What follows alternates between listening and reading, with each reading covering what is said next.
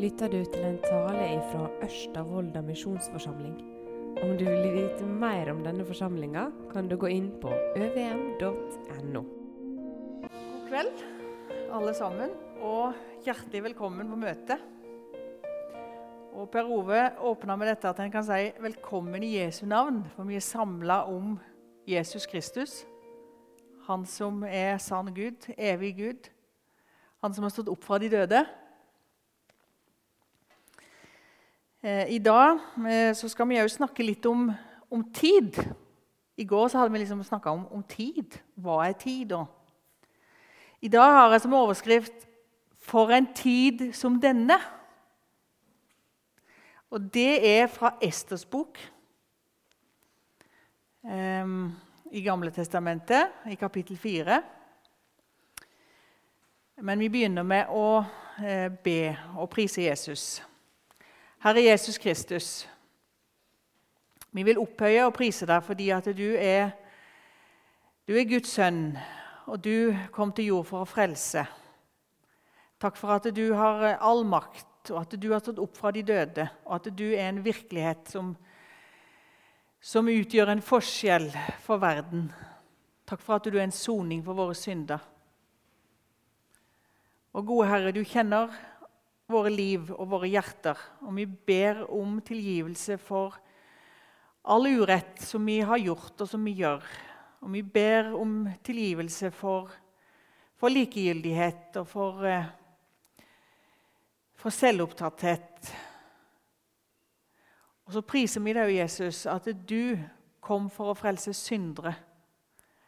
Takk for at du har gitt oss en, en, en rettferdighet og en renhet og en en framtid som er så annerledes enn det som vi mange ganger kan tenke oss. Men det, det er håp, og det er muligheter.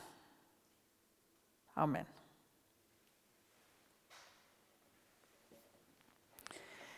For en tid som denne, det står i Esters, kapit Esters bok, kapittel 4. Og så øh, må jeg øh, må nesten ta litt sånn øh, Hva skal vi se Jeg må nesten ta litt sånn bakgrunnskunnskap. Selv om det er sikkert veldig mange som sitter her med, med veldig mye mer enn det jeg har. Men eh, det hadde seg sånn at eh, Israels folk det ble bortført og var i fangenskap og eksil i 70 år på 500-tallet før Kristus. Da var de i Babylon. Men handlinga i Esters bok den er fra 400-tallet, så den er litt, litt seinere. Og den er skrevet i ei tid som mange av israelittene var reist hjem fra eksiltilværelsen. Og mange jøder, men allikevel så bodde mange jøder fremdeles utafor Israel. Og de fleste av de ikke jeg så, har ikke noen veldig grunnleggende kunnskaper om det, den historien, da, men eh, de fleste av de bodde nok i det persiske riket. For den gangen så var det persiske riket veldig stort. Det var helt fra India og til Etiopia. Og så handler det om sånn, et dekret, eller en sånn befaling fra kong Serkes om at alle jødene i de persiske provinsene de skulle drepes. Og Siden det var i det store riket der, så var det jo egentlig snakk om, egentlig om et folkemord. Og det er det som er dramatikken for det som skjer i, i Esters bok.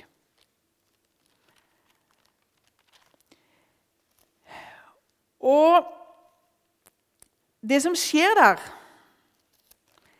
det er det at ja, Nå klarer jeg ikke, faktisk ikke finne det engang. Det som skjer der da, det er at dronninga hun blir avsatt. Og grunnen til det, det er det at hun, han kongen han hadde en fest, stor fest, for mange av sine folk og menn. Og så vil han at hun skal komme inn og vise seg. Og det vil hun ikke. Hun protesterer. Og eh, da blir han så sinna at han, hun blir eh, skjøvet ut i mørket og avsatt som dronning. Og da bestemmer kongen seg for å plukke ut en ny dronning. Um, og Han skal da finne en, en, ny kone, en ny dronning, blant jomfruene i riket. Og da er det Ester som blir valgt, og som han syns er aller vakrest. Og så blir Ester dronning. Og Ester hun var en foreldreløs jødisk jente. Så det vi skal snakke litt om, eller Jeg må, forklare på en måte litt av bakgrunnen. Det er at det er denne her sammensvergelsen mot jødene. Og oppi dette her så er det Ester som på mange måter får en avgjørende rolle og griper inn. Det er jo sånn at um, han, Kongen han hadde en embetsmann som heter Haman. Og han lurer på en måte kong Serkes til å sende ut dette kongelige dekretet om at alle i det persiske riket skal drepes. Og Grunnen til det det var at når han Haman hadde fått sin høye stilling, så falt alle på kne og bøyde seg for han. Og det likte han veldig godt. Men det var én som ikke gjorde det, som han gikk forbi hver dag og det var Mordekai. Og Mordekai han var fosterfar og søskenbarn til Ester. Og han var jøde. Og Da altså, har man der at han ber kongen om at alle jøder i riket skal bli utrydda bare pga. at Mordekai ikke ville bøye seg. Og vet du at Dette dekretet det kommer den 13. dagen i måneden Nisan. Og hvilken dag var det? Det var dagen før jødenes påske.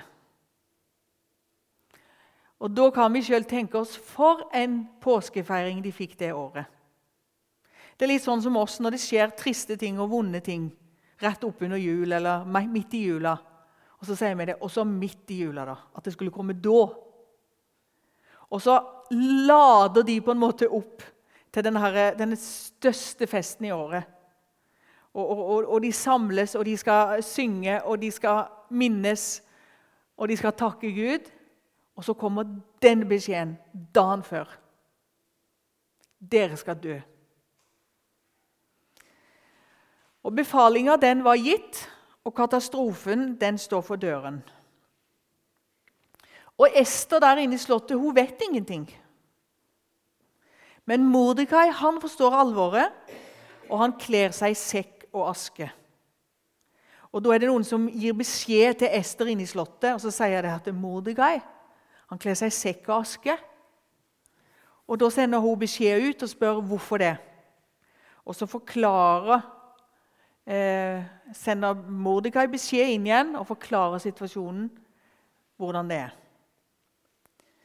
Og I tillegg så ber Mordekai Ester om å gå inn til kongen og bønnfalle han og be om nåde for folket. Og Da er vi kommet til, til kapittel fire i Ester, Esters bok. Og Da eh, tror jeg vi skal lese der, så får vi på en måte, lar vi på en måte det synke inn. Og så, eh, og så skal vi si litt mer om det etterpå. Um, for han, Mordekai han, han, sender til og med i kapittel 4, vers 8 så sender han til, til, og med en avskrift av den skriftlige ordren som var blitt gitt i Susan om å ødelegge dem. Den skulle han vise Ester og melde henne alt og pålegge henne å gå inn til kongen og be og bønnfalle ham om nåde for folket sitt. Hatak kom og fortalte Ester hva Mordekai hadde sagt.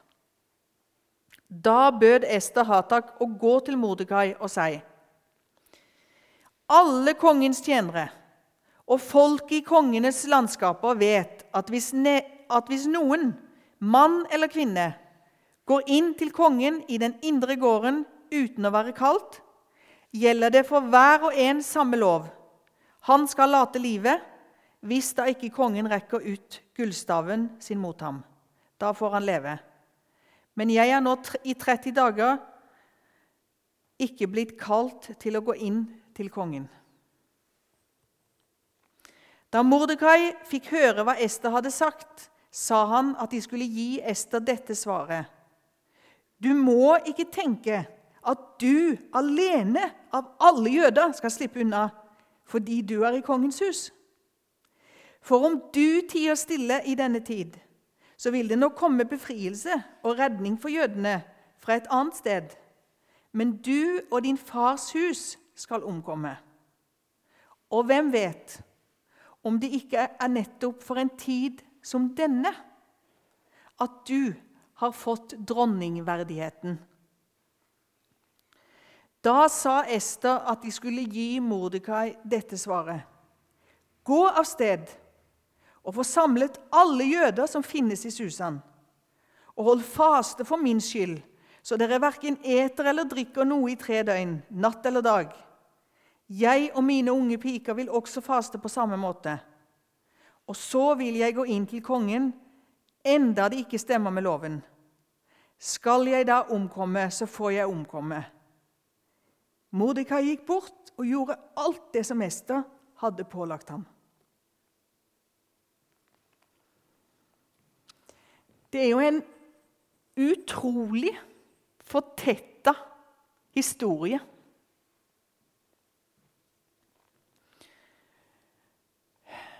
Det var en katastrofe som sto for døra. Men på tross av det, når, når Ester får beskjeden fra Mordekai, så vet hun hvilke lover som gjelder. Og det som er helt klart for henne, det er det er helt umulig. Det går ikke. Ingen kan gå inn til kongen uten å dø.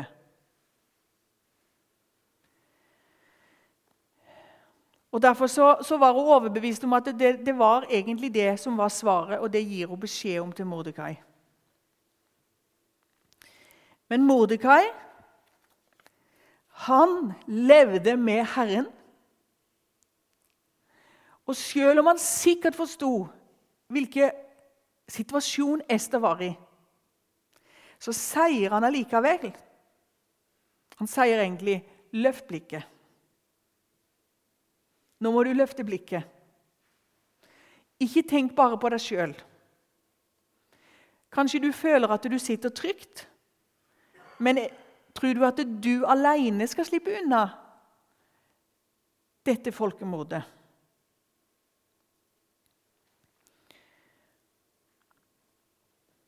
Og så minner han henne på Hvis hun er stille Det er noen konsekvenser med det at ikke hun vil si noe. Egentlig så sier han ja, du kan, du kan tie stille. Så vil nok redningen komme fra et annet sted. Men du vil få din dom.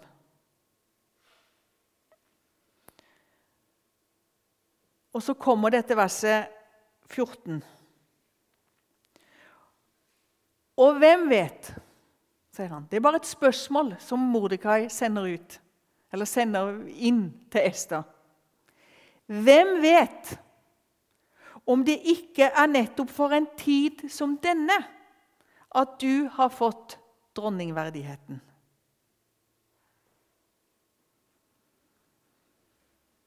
Du har fått dronningverdighet, Ester. Det er jo en grunn for det. Du lever for noe.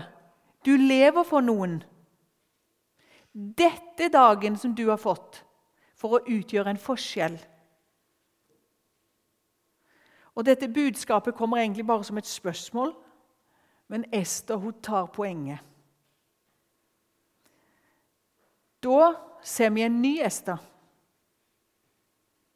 For en tid som denne. Da handler Ester. Og det første hun tenker på, det er nå må vi stå sammen.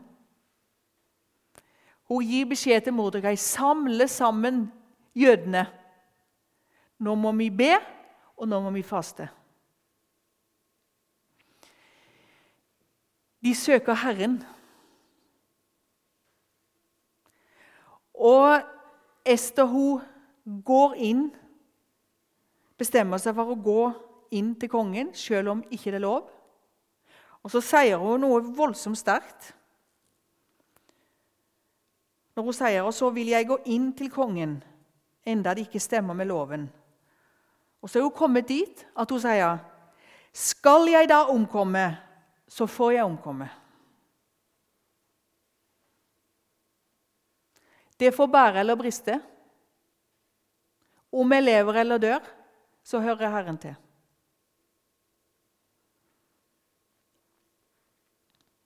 Det er litt av samme holdningen som, eh, som disse unge guttene i Daniels bok hadde. Når de eh, skal bli hevet i ildovnen, så står det i Daniel kapittel 3 og vers 17 Så sier disse unge guttene, Shadrak, Meshach og Abenego så sier de til kongen Nebukadnesa.: Vår Gud, som vi tjener, han er mektig til å frelse oss. Av den brennende ildovnen og fra din hånd, konge, vil han frelse. Og så sier de i tillegg.: Men hvis ikke, så skal du vite, konge, at vi ikke vil dyrke dine guder eller tilbe det gudebildet du har stilt opp. For en tro! Og den troen hadde Mordekai òg. Og han klarte på en måte å overbevise Ester at hun fikk den samme tro og handla på det. For en tid som denne, sa Mordekai til Ester. Og jeg tror at Herren sier det til oss òg. For en tid som denne er du født inn i denne tida. Lever du i denne tida? Lever du og bor du der du bor? Du er ikke satt til å leve i 1960-åra. Du er ikke satt til å leve på 1800-tallet. Du lever i 2020, i en tid som denne. Hva syns du om denne tida som du lever i? Det er interessant å, å, å, snakke om det og diskutere det, men én ting som en kan slå fast, det er at du kan ikke velge noe annet. For det er her du lever, og det er nå du lever. Det kan hende at noen av oss eh, ønsker å leve i en liten boble eller å trekke oss unna. Men det er vår tid som du lever i. Ser du på denne tida som en venn eller som en motstander? Er det en hindring, eller er det en mulighet? Jeg hørte en som sa det så fint. Han sa det at verden skal på én måte være vår fiende. Fordi at det er mye i verden og ja, det som hører verden til, og djevelens rike, det er en motstander. Og Samtidig så skal vi se på verden som vår elskede. For vi vil menneskene og vår tid og våre naboer alt godt. Vi vil nå dem med et eller annet. Vi vil nå dem med et budskap om frelse, om nytt liv, om framtid, om oppstandelse.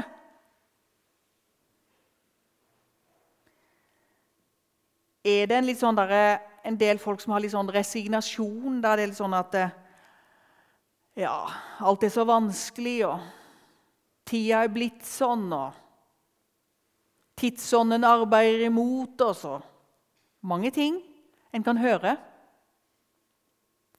Og Da er det vel litt av det samme som skjedde med Ester.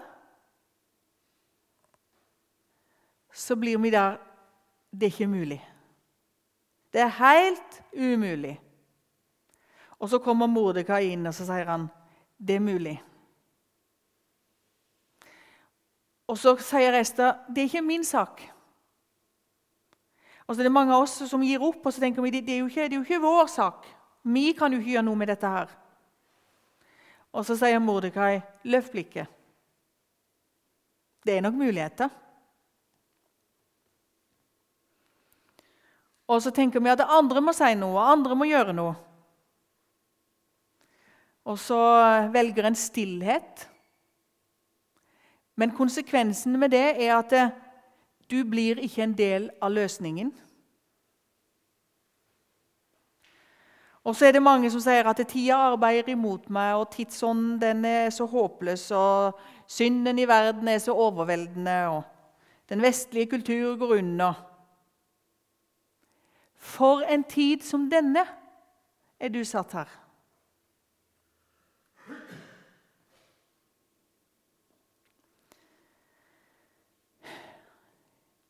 Likegyldighet. Det er lett å velge eller sige inn i. Men Ester hun handler. Hun blir en aktiv aktør. Og hun handler i tro, i bønn, fellesskap. Hun satser alt. Og syns dere ikke se Mordekai når han har fått den beskjeden fra Ester? Hva hun nå har bestemt seg for? Så står det Mordekai gikk bort og gjorde alt det som mester hadde pålagt ham. Jeg tror Mordekai svevde av gårde. Da visste han nå er det muligheter. Hva skjer i ditt liv? Hvis en bare tenker på det å, å bli en kristen, så vil de fleste kunne si det er helt umulig. Hvis ikke de tror på Jesus. Det er helt umulig. Men vet du hva? Det er ikke umulig. Løft blikket for en tid som denne. Nå er tida for å bli en kristen og bli kjent med Jesus. Og så har han det der, dette uttrykket da, som er litt rart, den der tidsånda. Trenger ikke bare noe negativt med det. Det kan være mye positivt òg med det. Men det er mange som eh, snakker om det som om det skulle være noe veldig negativt. Det er ikke umulig. Løft blikket. Vi trenger ikke være stille. For en tid som denne, da kan vi handle. Da er det muligheter. Og kanskje vi òg skulle satse på det som Ester satsa på. Fellesskap, bønn, faste. Hun gikk inn til kongen på tross av at det ikke var lov. Hun satsa på noe som så helt umulig ut. Og så sa hun skal jeg det omkomme, så får jeg omkomme.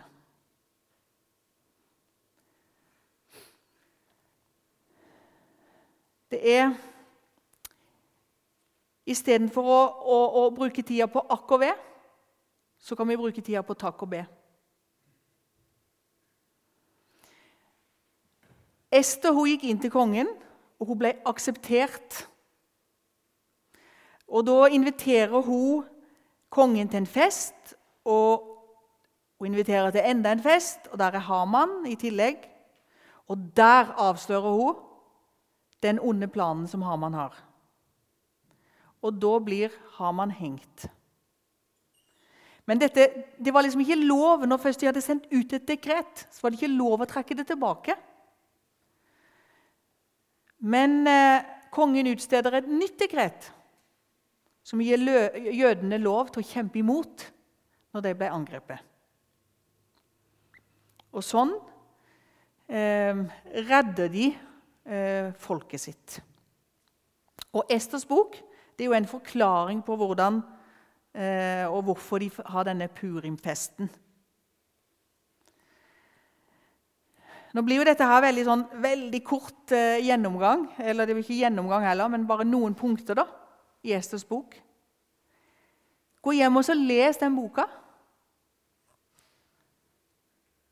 Og jeg tror eh, vi, kan, vi, kan, si at den, den sier 'stol på Herren'.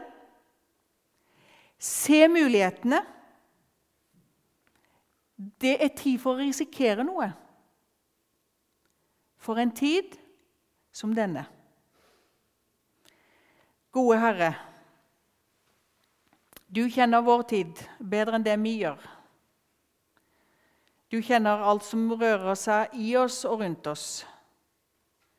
Du ser hva vi ser som umulige ting, og som, som for store motstandere og fiender. og Oppgaver som kan vokse oss over hodet. Gode Herre Jesus, vi ber deg om å gi oss den tro som Mordekai hadde,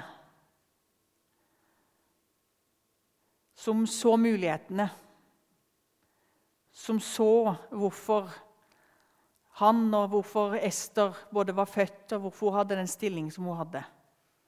Og Det ber vi, Herre, om at du må vise oss. Hjelp oss til å bli troende som, som handler, og som blir aktive aktører inn i vår tid. Amen.